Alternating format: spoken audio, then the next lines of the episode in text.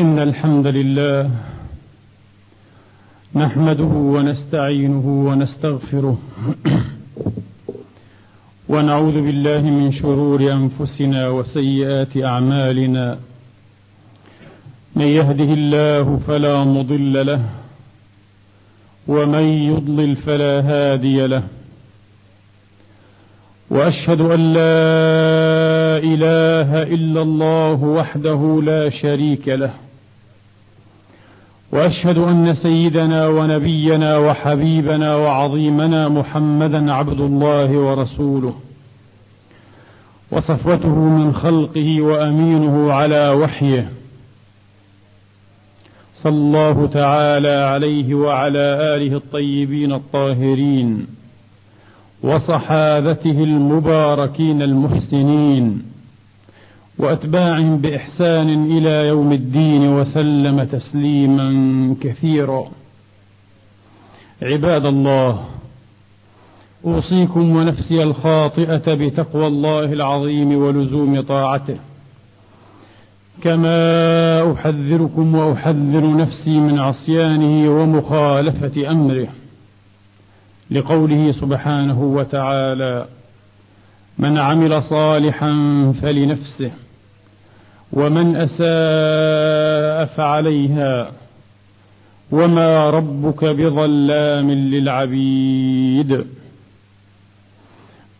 أما بعد أيها الإخوة المسلمون الأفاضل يقول الله سبحانه وتعالى في كتابه العزيز بعد أن أعوذ بالله من الشيطان الرجيم. بسم الله الرحمن الرحيم.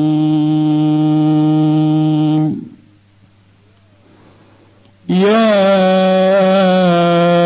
أيها الذين آمنوا ما لكم إذا قيل لكم انفروا في سبيل الله اثاقلتم. انفروا في سبيل الله اثاقلتم إلى الأرض أرضيتم بالحياة الدنيا من الآخرة فما متاع الحياة الدنيا في الآخرة إلا قليل إلا تنفروا يعذبكم عذابا أليما ويستبدل قوما غيركم ولا تضروه شيئا. والله على كل شيء قدير. إلا تنصروا فقد نصره الله. إذ أخرجه الذين كفروا ثاني اثنين إذ هما في الغار إذ يقول لصاحبه إذ هما في الغار إذ يقول لصاحبه لا تحزن إن الله معنا. فأنزل الله سكينته عليه وأيده بجنود لم تروها. وجعل كلمة الذين كفروا السفلى. وكلمة الله هي العليا. والله عزيز حكيم.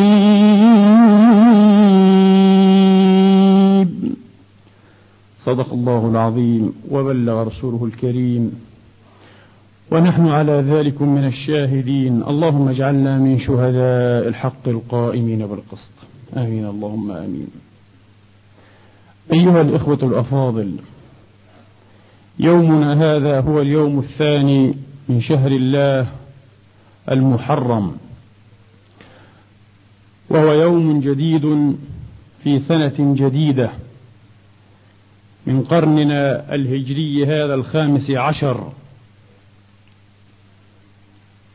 سنة ألف وأربعمائة وإحدى وعشرين من هجرة المصطفى صلوات ربي وسلامه عليه. وتعلمون أن العرف التاريخي بين الأمم جرى على أن يتخذوا يوم ولادة قائد عظيم أو مصلح كبير أو نبي خطير أو يوم انتصار مظفر غلبت فيه أمة أو شعب أمة أو شعبا آخر مبدأ للتأريخ.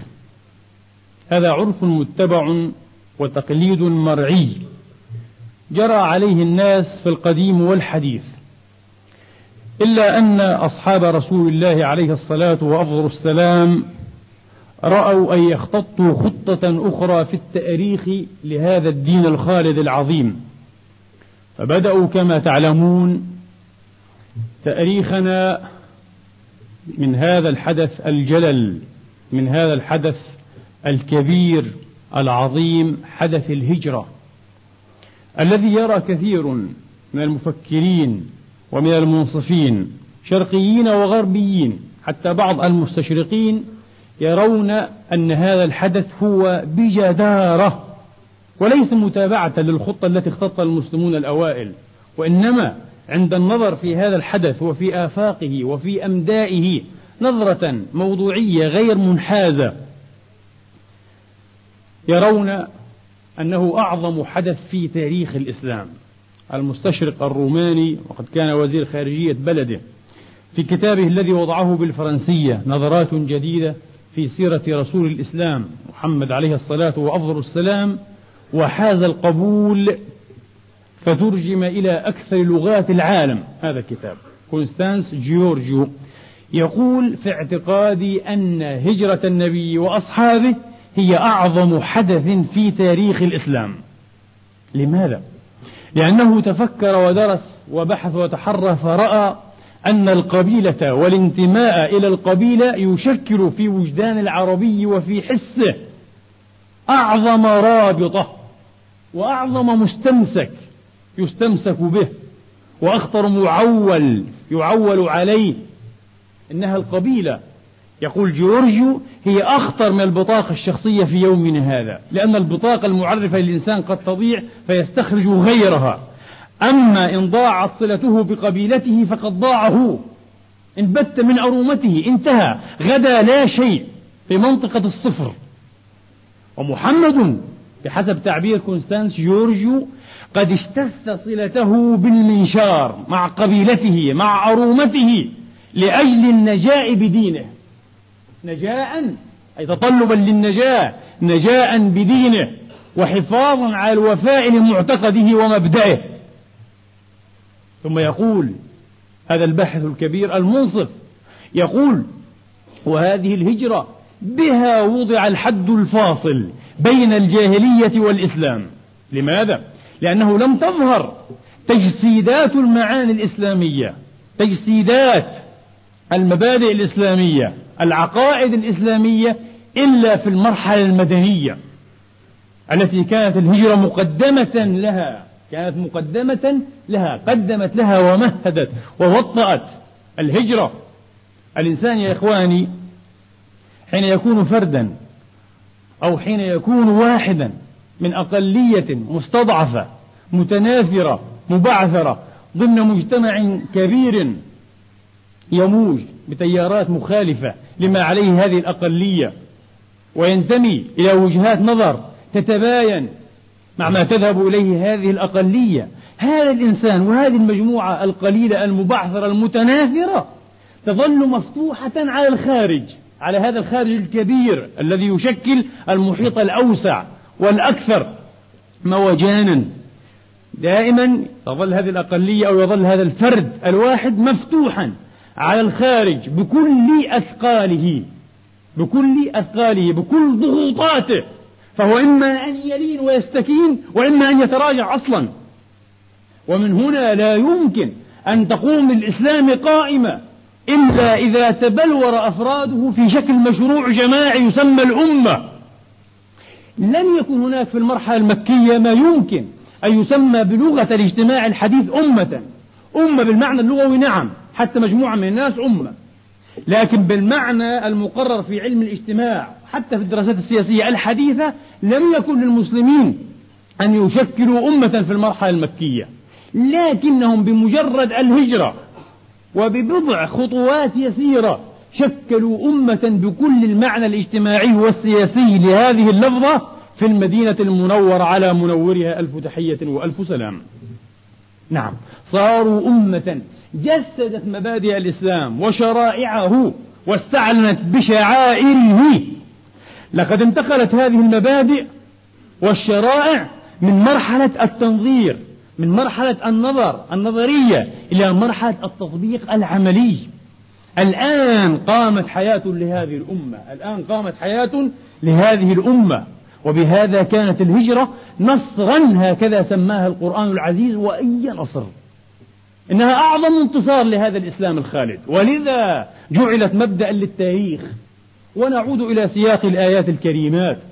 إلا تنصروه فقد نصره الله. إذ أخرجه الذين كفروا. هذا هو النصر الأول.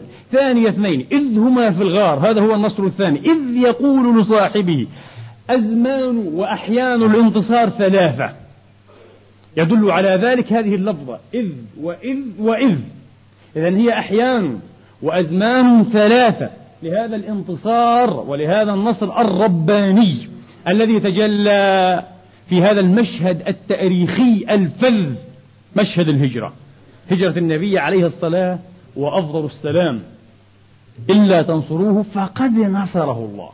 بعض المستشرقين ممن وقف وأتقن وربما ثقف ظواهر العربية إلا أنه لم يصبر أغوارها فضلا عن أن يتعمق أسرارها.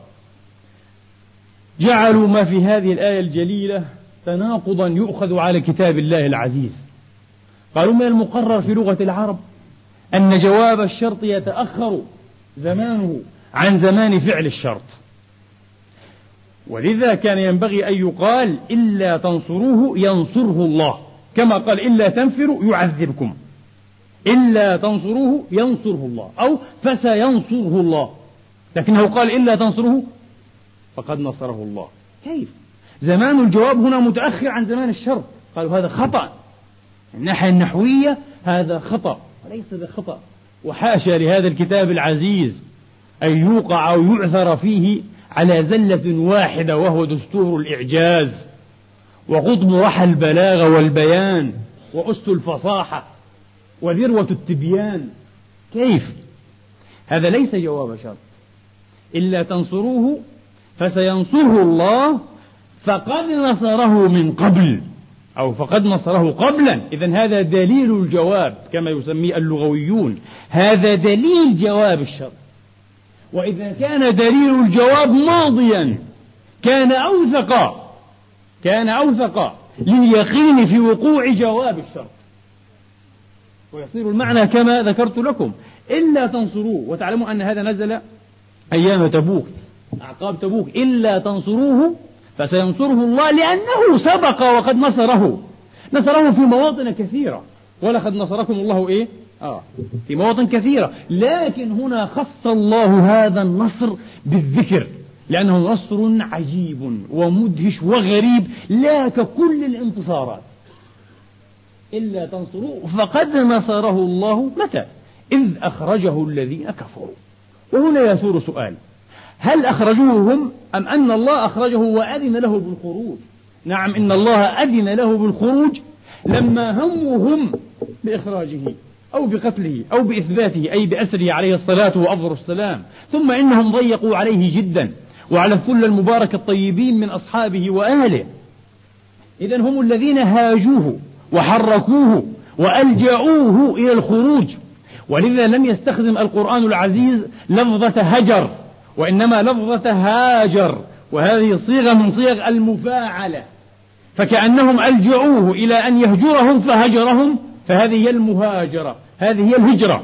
وفعلها هاجر وليس هجر. فليس أيضا من تناقض. إلا تنصروه فقد نصره الله إذ أخرجه الذين كفروا. هذا هو حين النصر الأول. هذا هو النصر الأول. إذ أخرجه الذين كفروا. وتعلمون قصة أصحاب الندوة وائتمارهم ومكرهم برسول الله. حتى انحط رأيهم على أن يضربوه ضربة رجل واحد. بأيدي وسيوف متعددة فيضيع دمه في القبائل. كما أشار بذلك فرعون وشيطان هذه الأمة أبو جهل لعنة الله تعالى عليه إلى يوم الدين. لكن الله نصره فأخرجه. نعم ترك ابن عمه وصفيه وأخاه عليا ابن أبي طالب رضي الله عنه وعليه السلام. تركه قال نم في برد الحضرمي هذا الأخضر فإنه لن يصل إليك شيء تكرهه. هذا يقين. كيف علم؟ كيف أيقن بذلك؟ أو ليس بنبي الرسول؟ نم وليس عليك من باس ولا حرج. لن يصل إليك شيء تكرهه. أول ضمانة. وعلي حتى لو كان يصل إليه لبات في مكان رسول الله هو الفدائي الشاب الأول في الإسلام. وأما أبو بكر الصديق فهو أول الشيوخ الفدائيين هو الشيخ الفدائي الأول لكن هذا هو الشاب الأول وكان في الحادية والعشرين من عمره. الإمام علي كرم الله وجهه. فنام علي وخرج رسول الله في هجعة من الليل في هجعة من الليل. وقد انتضى كل منهم سيفه. سل سيفه. واقفين ينتظرون يتربصون به. ليسفكوا دمه. لعنة الله عليهم. خرج زيادة في النكاية بهم. أخذ كفا من تراب وجعل يحثو على رؤوسهم. واحدا إثر الآخر وهو يقرأ أوائل سورة ياسين. ياسين والقرآن الحكيم إلى أن بلغ قوله تبارك وتعالى وجعلنا أيديهم سدا ومن خلفهم سدا فأغشيناهم فهم لا يبصرون. زيادة في النكاية. وإشارة وإيماء إلى أن مرجعهم وعقبى أمرهم إلى الرغام إلى التراب إلى الذل لذا بث عليهم التراب. يقول دارسو السيرة وكان هذا دأبه. كان هذا دأبه وعادته في كثير من المواقع. في بدر مثلا يأخذ كفا من حصى ومن تراب ويضرب بها وجوه القوم. ويقول شهة الوجوه فيصير لذلك أثر عظيم تعرفونه أيضا من قراءة السيرة. كان هذا دأبه عليه الصلاة وأفضل السلام. هذا أول النصر في الطريق. حين خالف عن الطريق المعهود وجعلت قريش مئة من النوق لمن يأتي بمحمد عليه الصلاة وأفضل السلام. وهو الخصم الأهد لهم. ويخرج في قصة لا أريد أن أذكر تفاصيلها سراقة ابن مالك ابن جعشم من بني مدلج. وكان رئيس قومه وكبيرهم. أعرابي جلد شديد قوي خريت عارف بالطرق. خرج حتى رأى من بعيد أسودة يقول وفرسي تقرب بي. أي تسير سيرا فوق العادة ودون العدو. فوق العادة هذا هو التقريب. وفرسي تقرب بي إذ عثرت. فخررت عنها. فأخرجت الأزلام فاستقسمت فخرجت التي تكره. يعني خرج أنني ينبغي أن أعود ولن أصل إليه وأكره هذا. قال فخالفت الأزلام. كفر بها الآن. اتباعا لهوى نفسه يريد أن يفوز بالنوق المئة. قال ثم ركبت. حتى إذا اقتربت منهم وسمعت تلاوة محمد. يقرأ القرآن عليه الصلاة وأفضل السلام. وكان لا يتلفت. وهذا هو حال الشجاع الرابط الجأش القوي العزم. النبي لا يتلفت. وإذا تلفت تلفت بأجمعه. تلفت جميعا. بجميع بدنه عليه الصلاة وأفضل السلام بأجمعه. النبي لا يتلفت وأما أبو بكر فيكثر التلفت. أبوك كان في رحلة يكثر التلفت دوما. سأله النبي فقال يا رسول الله إني لأذكر الرصد الرصد ما يكون قبالتك أمامك. آه. فأنظر إلى الأمام. ثم أذكر الطلب الطلب يكون من الخلف فأنظر إلى الخلف. خشية ومحاباة عن رسول الله عليه الصلاة وأفضل السلام فيكثر التلفت. فرأى سراقة. قال يا رسول الله هذا فارس من قريش في إثرنا يتطلبنا فالتفت النبي فرآه فقال اللهم اصرعه اللهم اصرعه يصرع عن دابته عن فرسه اللهم اكفناه اكفنا إياه اللهم اكفناه بما شئت. قال سراقة ابن مالك ابن جعشم المدلجي قال فساخت قدما فرسي يداها الأماميتان حتى الركبتين. في بعض الروايات وكانت الأرض صخرية أرض من صخر إلا أن يدا فرسه قد ساختا. ساختا إلى المنتصف إلى الركبتين. وصرعتني فخررت عنها ثم إني زجرتها. فلم تكد. ترفع يديها. حتى خرج من أماكن إيه؟ أو من مكاني يديها عثان ضارب إلى السماء. شيء كالدخان خرج من الأرض. إلى جهة السماء. معجزة خارقة لرسول الله عليه الصلاة والسلام. فعلمت أن الرجل ممنوع. علم أن هذا الرجل من عند الله وأن القدر يحوطه ويعنى به ويدافع ويذب عنه. علم أنه محوط لا يوصل إليه بسبب من الأسباب.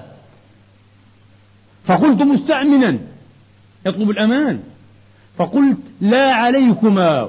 انظراني أكلمكما. انظراني أكلمكما. والله لا يريبكم مني شيء ولا أصل إليكم بشيء تكرهونه. فكلمه الرسول عليه الصلاة وأفضل السلام. وكلمه سراقة بما كان معه ثم طلب سراقة من رسول الله كتابا بالأمان. كتاب أمان ماذا؟ وممن من رسول الله. من رسول الله المستوحش المطارد المفزع المخرج من بلدته. المباركة. لا يملك حتى موطئ قدميه. مكة خلفها من ورائه. ليس له فيها حظ ولا قسمة. والمدينة هي من أمامه. ما من ضمانة واقعية. ما من ضمانة واقعية بتة أنه يصلها عليه الصلاة وأفضل السلام. لا يملك شيئا من هذا العالم. كيف تطلب منه يا سراقة كتابا بالأمان؟ قال الإمام البيهقي وعدد من الأئمة والمحدثون في قصة سراقة أربع بشريات. أربع بشريات. البشرى الأولى من رسول الله لسراقة رضي الله تعالى عنه وأرضاه أنه يطول عمره. كيف؟ لأنه حين هم أخذ كتاب الأمان كتبه له عامر بن فهيرة كان مع رسول الله وأبي بكر ومع عبد الله بن أريقط. النبي أمر عامرا فكتب له كتابا في رقعة من أدم أي من جلد. قال فأخذتها ووضعتها في كنانتي. ولما هممت بالرجوع التفت فناداني رسول الله قال كيف بك يا سراقة ابن مالك؟ وأنت تلبس سواري كسرى. نبوءة غريبة في مثل هذا الوضع الحرج. قلت يا رسول الله كسرى ابن هرمز؟ أي تعني كسرى ابن هرمز؟ قال نعم كسرى ابن هرمز. إذا البشارة الأولى أنه يطول عمره. كيف؟ يطول عمره حتى يشهد المعركة الفاصلة بين المسلمين وبين الفرس. أول بشرى. البشرى الثانية. بشرى لسراقة رضي الله عنه بالإسلام أنه يسلم ويكون في جيش الفتح. فتح المدائن فتح فارس. البشرى الثالثة أنه يحارب مع الموحدين والأجناد المباركين ويفتح الله على المسلمين. ويلبس هذا الرجل الأعيرابي. يلبس سواري كسرى والبشرى الأخيرة أنه بروحي عليه الصلاة وأفضل السلام وأمي وأبي وأهلي والناس أجمعين يعود إلى مكة فاتحا. لذا طلب منه صراخ كتاب الأمان. علم أنه عائد. وقد أنزل الله عليه في طريق هجرته إن الذي فرض عليك القرآن لرادك إلى معاد. قال نفر من الصحابة والمفسرين أي رادك إلى مكة التي أخرجوك منها. أربع بشريات يا إخواني ممن؟ من رسول الله كما قلت في حال لا يملك حتى موضع قدميه. من أين هذا اليقين؟ أليس نبيا؟ أليس رسولا؟ هذا لا يكون إلا من نبي الرسول. هذا لا يكون إلا من نبي رسول وصدق الله نبوءات المصطفى. يقول سراقة لقيت رسول الله بالجعران منصرفه أو مرجعه من حنين والطائف. فقلت له يا رسول الله فنظر إلي فدفعت إليه كتاب الأمان الذي كتبه عامر بأمر رسول الله في تلكم الساعة التي تعلمون. في الطريق إلى المدينة. يا رسول الله هذا هو كتاب الأمان. فقال نعم يا سراقة بن مالك اليوم يوم الوفاء والبر أدنه قال فدنوت وأسلمت. فدنوت وأسلمت. بعد فتح مكة. نرجعه من حنين والطائف أدنوا قال فدنوت وأسلمت وتدور عجلة الأيام والدهر قلب والأيام دول. وإذا بالله سبحانه وتعالى يفتح على المسلمين مدائن كسرى مدائن الفرس العاصمة التي كانت لهم في في بلادنا. ويثل يثل عرش كسرى ويؤتى بتاجه ومنطقته وخفيه وحذائيه وجواهره وسواريه وكان ثمينين جدا. ويوضع كل ما هنالك أمام فاروق هذه الأمة عمر رضي الله تعالى عنه وأرضاه. ويستبشر عمر الملهم العادل خيرا ويقول إن قوما أدوا هذا لذو أمانة. إن قوما أدوا هذا لذو أمانة. فيخاطبه الإمام علي عليه السلام ويقول له إنك عففت يا أمير المؤمنين فعفوا ولو رتعت لرتعوا. واقرأوا شهادة الإمام علي عليه السلام في مواضع كثيرة في فاروق هذه الأمة في نهج البلاغة. كم من مرة يمدحه ويشيد بعدله وإنصافه. وبأنه أقام الناس على القصاص المستقيم وعلى المحجة البيضاء. إنك عففت فعفوا ولو رتعت لرتعوا. ثم ينادي عمر رضي الله عنه وأرضاه بسراقة بن مالك. يقول له يا سراقة تذكر ذلك اليوم الذي قال لك رسول الله كذا وكذا؟ قال نعم يا أمير المؤمنين والله إني لأذكر فألبسه إياهما. وكان سراقة رجلا أزب أي كثير شعر اليدين كثير شعر اليدين. كان رجلا أزب فألبسه السوارين وقال عمر بصوت جهير يسمع الناس حوله. الله أكبر. الله أكبر ولله الحمد. الحمد لله الذي سلبهما كسر بن هرمز وألبسهما سراقة بن مالك بن جعشم وعير به من بني مدلج. يا سراقة خذهما وقل مثل هذا القول. وأركب سراقة على دابة وطيف به في المدينة المنورة وهو يقول هذا القول. الله أكبر. ولله الحمد الحمد لله الذي سلبهما كسرى بن هرمز وألبسهما سراقة بن مالك بن جعشم وعيرابي من بني مدلج. هذه نبوءة رسول الله عليه الصلاة والسلام فقد نصره الله إذ هذا نصر كله نصر. إذ أخرجه الذين كفروا. ثاني اثنين. من هو الثاني؟ أبو بكر رضي الله تعالى عنه وأرضاه. إذ هما في الغار. إذ يقول لصاحبه لا تحزن. بلغ هؤلاء القرشيون الطواغيت ومعهم قائفهم أي الذي يقفو ويتتبع ويقص الأثر. ومعهم قائفهم كرز ابن علقمة الخزاعي عفوا كرز ابن علقمة الخزاعي. وكان قائفا خريتا خبيرا. وكان للعرب ثقة مطلقة بقافتهم. ثقة مطلقة بقافتهم أي بقصاصي الأثر تتبعي الخطو. انتهى الأثر بكرز بن علقمة إلى فم الغار وكان الغار فاغرا فاه. إلا أن الله تبارك وتعالى كما تعلمون وإن قيل في إسناد هاتين القصتين ما قيل قد بعث بحمامتين وحشيتين فباضتا والحمام من أودع الطير وإذا أهيج هاج. إذا أهيج هاج. إذا ما كان ينبغي أن يكون إيه؟ الحمام هنا وقد باض. ظن الحمام وظن العنكبوت على. خير البرية لم تنسج ولم تحمي وقاية الله أغنت عن مضاعفة من الدروع وعال من الأطم. لم يحسبوا ذلك مستحيل. وعنكبوت وإن أوهى البيوت لبيت العنكبوت لو كانوا يعلمون. جاءت فنسجت على فم الغار. وهكذا وقى الله نبيه وصديق هذه الأمة بأضعف جنده بخيط العنكبوت. رد الحديد والفولاذ. والسيوف والرماح بخيط العنكبوت. إنه هو اللطيف الخبير. إنه هو اللطيف. هذا معنى اللطيف. هذا من لطفه. أنه ينقذ ويهلك بأسباب لطيفة خفية ملغزة جدا. لا تخطر على بال بشر. هذا معنى اللطيف. إنه لطيف خبير. لا إله إلا هو. المهم كرز ابن علقمة قال هذا منتهى الخطو والأثر. وما جاوز هذا المكان. مستحيل. هو هنا لكن صرفهم الله بما قد سمعتم. أبو بكر هنا يتخوف على رسول الله ويحزن. لم يخف على نفسه. ولم يذكر الله أنه خاف. موسى وأخوه هارون قال ربنا إننا نخاف أن يفرط علينا أو أن يطغى. وانظروا إلى مقالة الصديق. لا تحزن. كان كان به الحزن والأسى. أن يفتك برسول الله؟ فيهلك الحق وتنهدم دولته. دولة الحق.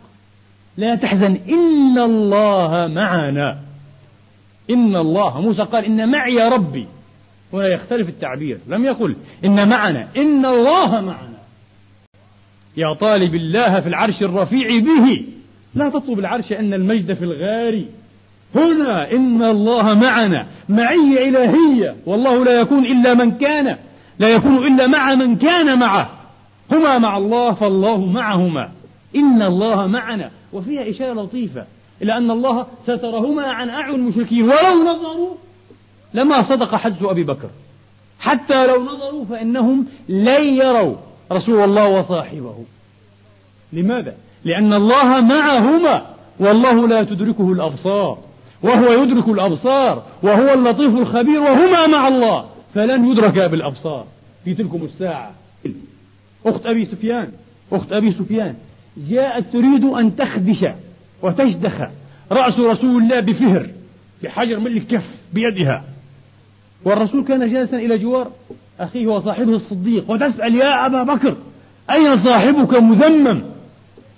أبو بكر يتعجب ينظر إليها وينظر إلى رسول الله الرسول إلى جانبه أين صاحبك مذمم؟ لو قد رأيت لفعلت به كذا وكذا. ثم تنصرف المثبورة فيقول رسول الله فيقول أبو بكر يا رسول الله كيف لم ترك وأنت إلى جانبي؟ فيقول إن الله أخذ ببصرها فلم تبصر بي. وإذا قرأت القرآن جعلنا بينك وأنزل الله قوله. وإذا قرأت القرآن جعلنا بينك وبين الذين لا يؤمنون بالآخرة حجابا مستورا. ستر الله نبيه. وقال هي تسب غيري تسب مذمما وأنا محمد. حتى السب لم يصل إلي. إنها تسب رجلا غيري أنا ومحمد. وهي تسب مذمما فلتسب ما شاء لها السب. عليه الصلاة وأفضل السلام. إن الله معنا إن الله معنا. كيف لم يخطر على بالهم والمعروف عن العرب كلبهم الشديد على أعدائهم؟ العرب يبالغون في العداء مبلغا عظيما معروف. إذا عاد أحدهم أو عادت قبيلة قبيلة أخرى فإنها تتكالب عليه كلب شديد. إلى الآن في نفوس العرب إذا عاد العربي أحدا فإنه يكلب عليه. المعروف عن العرب كلامهم الشديد على أعدائهم. كيف لم يخطر على بالهم أن يحتاطوا؟ فينظروا فقط في الغار. إنهم لم يفعلوا. إنهم لم يفعلوا. ثم لو رضينا بذلك وقلنا قد يكونون أصابتهم خشية. أنه لو نزل أحدهم إلى الغار لناشته حية وأردت. فتخوفوا. قد نرضى بهذا التعليل. قد نرضى بهذا التعليل المهيض الضعيف الجانب. لكن لما لم يرصدوا ولم يرقبوا الغار أياما وليالي حتى يعلموا. تركوه. ثم لما لم يرسلوا كبكبة. أي مجموعة مجتمعة. كبكبة من الفرسان. تأخذ الطرق والسبل المفضية والمؤدية إلى المدينة المنورة. وهذا من باب الحيضة. مع كلامهم الشديد على رسول الله خصمهم عليه الصلاة والسلام. لم يفعلوا شيئا من ذلك. لقد صرفهم الله. هذا هو التعيين المقبول لدينا فقط. لقد صرفهم الله تبارك وتعالى. حكمة الله سبحانه وتعالى. طبعا هناك نصر ثالث كما تعلمون. فأنزل الله سكينته عليه. هذا ضرب من النصر القرآن يؤكد دائما أن هذا نصر فريد لا يتمتع به إلا المؤمنون. والمؤمنون الصادقون السكينة في قلوبهم والرعب في قلوب أعدائهم. نصرت بالرعب مسيرة شهر. إحدى خصائص محمد الخمس عليه الصلاة وأفضل السلام. وقيل هي خصيصة لأمة محمد أجمعين. ما ساروا في آثار المصطفى وتمسكوا بحبل الله فإن الله ينصرهم بالرعب على عدوهم. وقد نصرهم الله بالرعب في أكثر من واقعة مسجلة ومقررة تاريخيا. هذا معروف. لكن للمؤمنين الصادقين السكينة في قلوبهم والرعب في قلوب أعدائهم هذا نصر وهو زمان النصر الثالث. إذ يقول إذ إذ يقول لصاحبه لا تحزن إن الله معنا. اختلف المفسرون فمن قائل إن هذه السكينة فأنزل الله سكينته عليه. المقصود بالضمير الغائب المفرد هنا المذكر هو رسول الله. أنزل الله سكينته على رسول الله. لكن حبر الأمة وترجمان قرآنها ابن عباس رضي الله عنهما وأرضاهما قال كلا إن السكينة لم تزل مع رسول الله. أصلا دائما قلبه عامر بالسكينة والسكينة لم تزل معه من مبدأ أمره.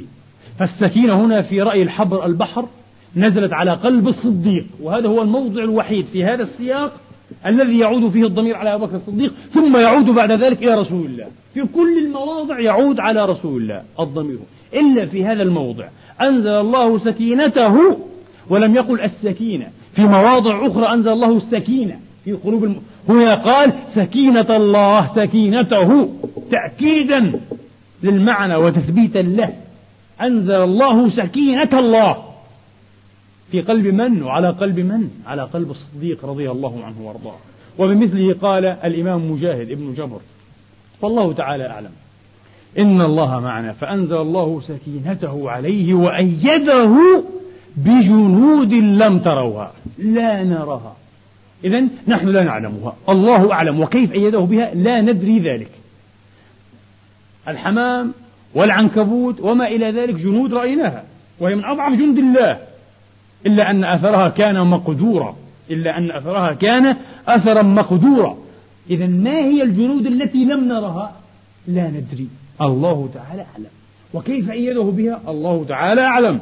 وأيده بجنود آه وجعل كلمة الذين كفروا السفلى. وكلمة الله هي العليا. والله عزيز حكيم. الجعل هنا التصيير جعل صير وهو مما يقتضي مفعولين.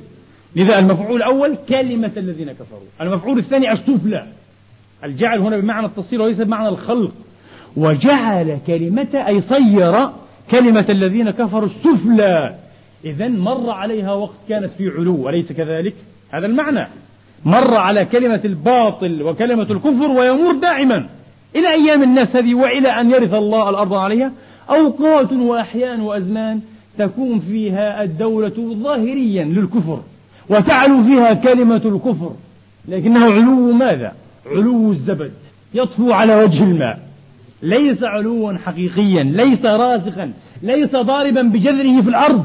إنه علو الزبد. وشبه الله الباطل في مواضع من كتابه بالزبد. يعلو على وجه الماء. لكن زبد عما قليل يتقشع وعما قليل يزول.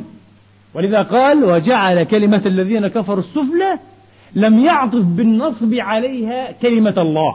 ولم يقل إذا لم يقل وكلمة الله هي العليا. لو قال وكلمة الله معنى ذلك جعل كلمة الله هي العليا. إذا كانت في دنو وفي تسفل وحاشا لكلمة الله أن تكون كذلك. إذا لم تعطف بالنصب على كلمة الذين كفروا وإنما قال وكلمة الله هي العليا. اختلاف في التعبير. إذا كلمة الله دائما هي العليا. وإن رأى الناس أن كلمة الكفر قد تعلو لا الحق يعلو ولا يعلى إلا في نظر العمي إلا في نظر القاصرين الحق دائما في علو وكلمة الله هي العليا. والله عزيز حكيم والله عزيز حكيم. لما؟ هذا التذكير وهذا من لطائف التفسير. قد نلم به هنا قليلا. لما ذيل بقوله والله عزيز حكيم. يريد الله أن يفهمنا أنه مع نصره الحق وانحيازه إلى أهله ودعوته سبحانه وتعالى أتباعه أن ينصروه بالهجرة والجهاد في سبيله والإنفاق إلا أنه مع كل ذلكم عزيز عن خلقه. ما معنى عزيز؟ غير محتاج ولا مفتقر إليهم. الله ليس مفتقرا إلى إيماننا. ولا إلى خدمتنا لكتابه ولا إلى نصرتنا لدينه. لا يفتقر أبدا. نحن مفتقرون إلى رضوان الله علينا. مفتقرون إلى الأجر وإلى الذخر. مفتقرون إلى أن نعتز ونعز بهذا الدين. أما الله فهو غني عنا. ولذا انظروا إلى إبليس لعنة الله تعالى عليه من فقيه كان فقيها بهذه المعاني. قال بعزتك لأغوينهم أجمعين. إلا عبادك منهم المخلصين. لماذا بعزتك؟ لماذا أقسم بالعزة هنا؟ لماذا لم يقسم بقدرتك بعلمك بمشيئتك قال بعزتك؟ لأغوينهم أجمعين. تعلمون لماذا؟ لأن الله عز وجل ليس مفتقرا إلى واحد منا وليس مفتقرا إلى طاعاتنا. هو عزيز عنا. ولو كان يريدنا ولو كان مفتقرا إلينا أو كان يريدنا وله لنا فينا حاجة لما قدر إبليس على ماذا؟ على إغوائنا. إذا هو فقط يغوينا لأن الله عزيز عنا. أمرنا متروك إلى عقولنا وإلى اختياراتنا. أما الله فعزيز غني عن العالمين. ومن هنا سر القسم الإبليسي. بعزتك لأغوينهم أجمعين. طب لماذا استثنى العباد المخلصين وليس المخلصين؟ المخلص هو من استخلصه الله لنفسه اسم مفعول. إلا عبادك منهم المخلصين لأن الله ماذا؟ يريدهم. ولذا استخلصهم لنفسه ولأنه يريدهم وقد استخلصهم لنفسه فلا سبيل لإبليس عليهم وإليهم. أليس كذلك؟ لذا وجب الاستثناء. إذا والله عزيز حكيم يتساوق ويتناسب كل تناسب مع مبدأ الآيات. ما لكم إذا قيل لكم انفروا في سبيل الله إذ ثاقلتم إلى الأرض. قال في آخره والله عزيز حكيم. مستغن عن جهادكم عن طاعاتكم عن إيمانكم لكن هذا لأجلكم لا لأجل الله. تبارك وتعالى أقول قولي هذا وأستغفر الله لي ولكم. فاستغفروا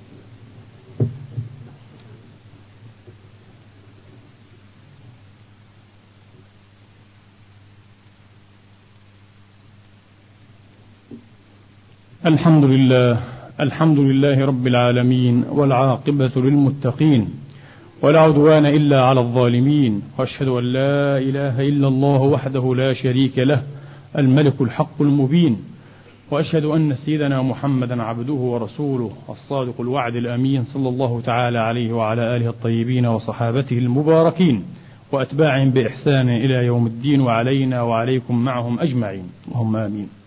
أما بعد أيها الإخوة الأفاضل لو تلوتم كتاب الله تبارك وتعالى باحثين عن المظان التي وردت فيها هذه الكلمة الجليلة كلمة الهجرة لرأيتم اقترانا يلفت النظر بين الإيمان والهجرة والجهاد في مواضع لا يسمح الوقت بالتطويل بذكرها وتلاوتها لكنها كثيرة جدا في سورة البقرة وآل عمران والتوبة والأنفال والنحل مواضع كثيرة.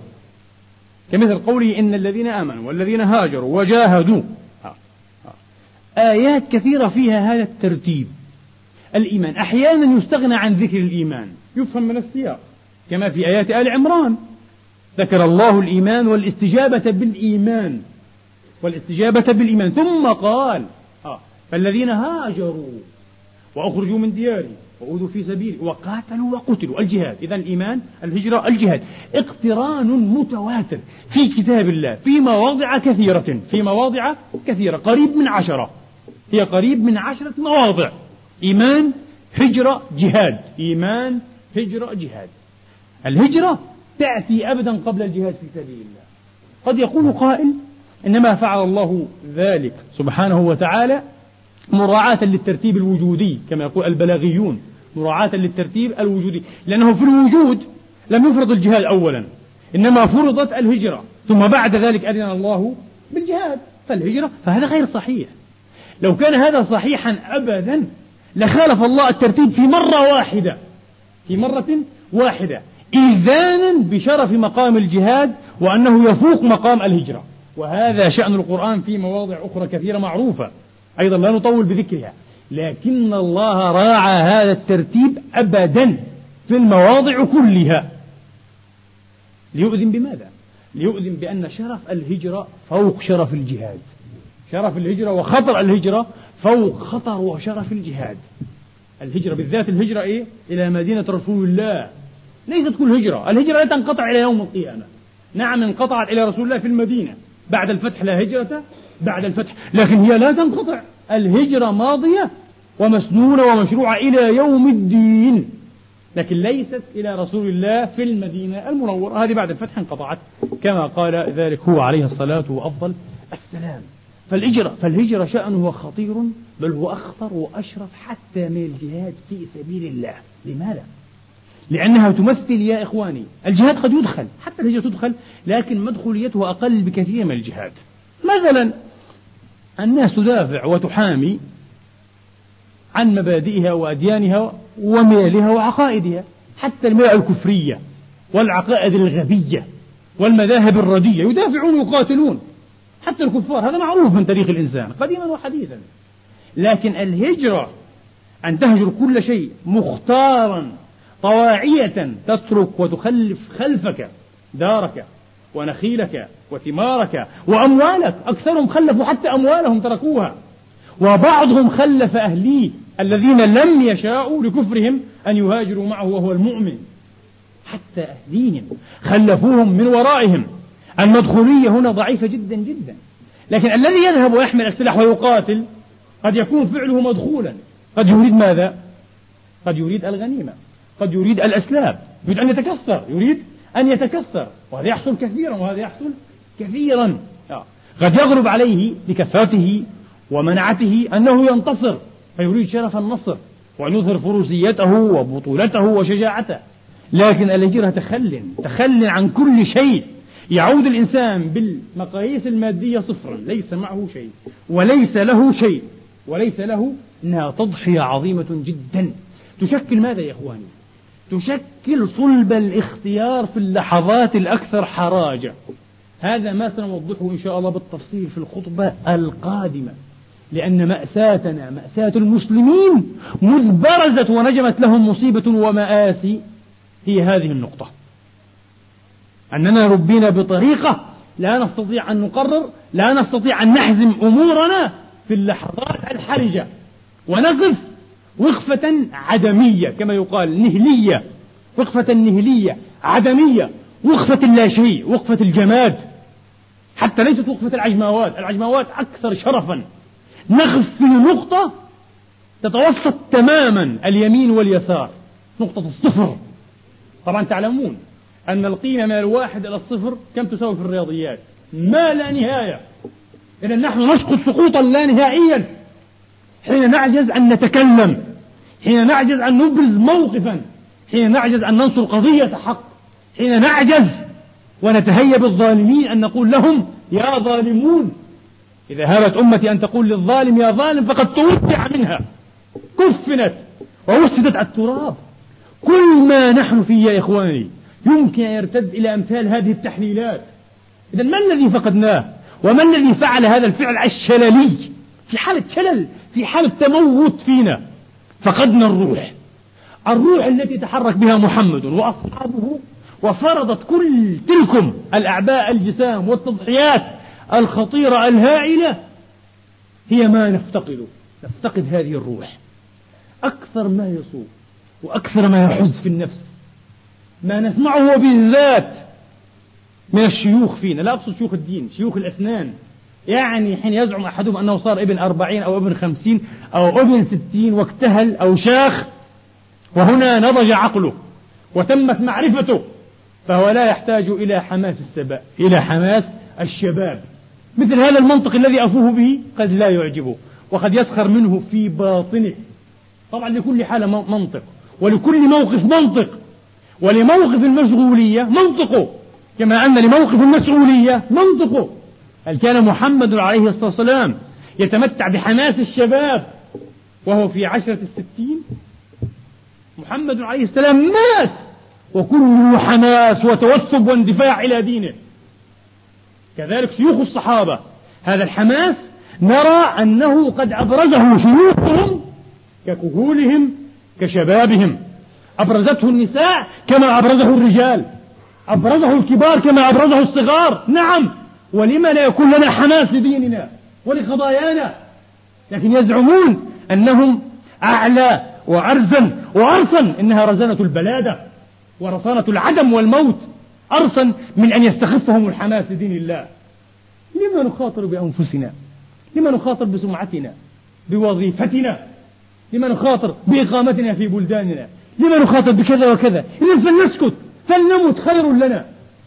ينبغي أن لا نفوها بشيء فليذبح الإسلام وليذبح المسلمون وليذهب الدين فإن للدين ربا يحميه. هو رب العالمين. ما علينا ما علينا؟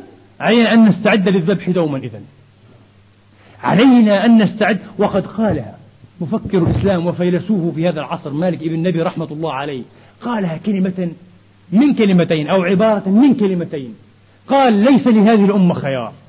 ليس لهذه الأمة خيار. ويؤسفنا طبعا أن هذا الفيلسوف بعض المفكرين الغربيين الكبار قد أحلوه في مصاف العالمية في الفكر والفلسفة. وعلموا ما ينبغي له من مقامة. رجل عجيب في الفكر عجيب وكانت له نبوءات فكرية تحققت تماما كما تنبأ بها. رجل قدرة تحليلية. قال عبارة من كلمتين ليس أمام هذه الأمة خيار ثالث هما خياران اثنان إما رسالة وإما خضوع إما رسالة وإما خضوع إما أن نكون أمة الرسالة ونشرب بالدفاع عن دين الله ونجعل دين الله هو قضية حياتنا. حتى من يزعم فينا أنه من الإسلاميين ومن المسلمين ومن العاملين لدين الله لا يعطي الإسلام إلا فتات الأوقات. وقته للمتعة للنزهة للخرجة للطلعة لجمع المال لجمع الانتصارات الدنيوية. ما يبقى من فتات الوقت إن بقي هو يعطيه الإسلام. ثم يزعم أنه مسلم رسالي. لا ما هكذا محمد ما, كان ما هكذا كان محمد ولا أصحاب محمد ولا يمكن أن ينصر الإسلام بأمثال هؤلاء. ورحم الله من قال ذلت أمة هزل رأي شيوخها مثل هؤلاء الذين أحدثكم عنهم. والله وكم كم نسمع منهم هذا الكلام. الشيوخ الكبار الذين يتكلمون بمنطق يبرأ من الحماس للدين والحق. منطق الهدوء منطق ترك كل ما كان على ما كان. اترك كل شيء كما هو. وليكن الطوفان وليكن الجحيم في الدنيا وليكن ما يكون. منطق عجيب جدا بارد. فذلت أمة هزل رأي شيوخها وضعفت همة شبابها. ما أحسن التعبير الذي قاله بعض في أمثال هؤلاء الشباب؟ قال شباب ذو أدمغة صغيرة رأس صغير عقل صغير آمال طموحات صغيرة. وبطون كبيرة. يعيشون لبطونهم للشهوات. لشهوات. تخيلوا إنسانا تمتد بطنه أمامه عشرة أمتار. وتتقلص دماغه أو يتقلص رأسه إلى بضع سنتيمترات. هذا التجسيد المادي هو الحقيقة المعنوية لكثير منا لكثير من شباننا. لا عقل لا طموح لا أمل لا رسالية في الحياة. سنعرض إن شاء الله يا إخواني وأعتذر عن هذه الإطالة لهذه المعاني تفصيلا حين نحاول نحاول ولا نستطيع أن نجزم بأننا نجحنا حين نحاول أن نجيب عن هذا السؤال المؤلم الكبير. كيف أسلمت الأمة كلها ابن رسول الله؟ معدن النبوة والرسالة. تراث محمد الروحي. دما ولحما. كيف أسلمته إلى قلة من الفسقة الفجرة المارقين من دين الله؟ كيف أسلمته وضحت به وتركته ولم تحرك ساكنا؟ كيف؟ ما الذي دها الأمة ولم يغبر على وفاة نبيها خمسون عاما نصف قرن. وما زالت الهزائم تتوالى إلى يومنا هذا. كيف؟ ما الذي حدث؟ أي تغير؟ بلا شك أن هناك تغيرا كبيرا. حدث في الجهاز المعرفي للأمة وفي الجهاز الشعوري العاطفي للأمة أيضا. كيف حدث هذا؟ وكيف ما زال مستمرا هذا التغير. أسأل الله تبارك وتعالى أن يلهمني وإياكم رشدنا وأن يقينا شر نفوسنا. اللهم أصلحنا وأصلح بنا واهدنا واهدي بنا. اللهم اغفر لنا ذنوبنا كلها ما قدمنا منها وما أخرنا. اللهم أبرم لهذه الأمة أمر رشد تعز فيه أولياءك وتذل فيه أنوف أعدائك يعمل فيه بطاعتك يؤمر فيه بالمعروف وينهى فيه عن المنكر وينعم فيه الصالحون. إلهنا ومولانا رب العالمين لا رب غيرك. عباد الله إن الله يأمر بالعدل والإحسان وإيتاء ذي القربى وينهى عن الفحشاء والمنكر والبغي. يعظكم لعلكم تذكرون. اذكروا الله يذكركم واشكروه يزدكم وسلوه يعطكم وقوموا إلى صلاتكم يرحمني.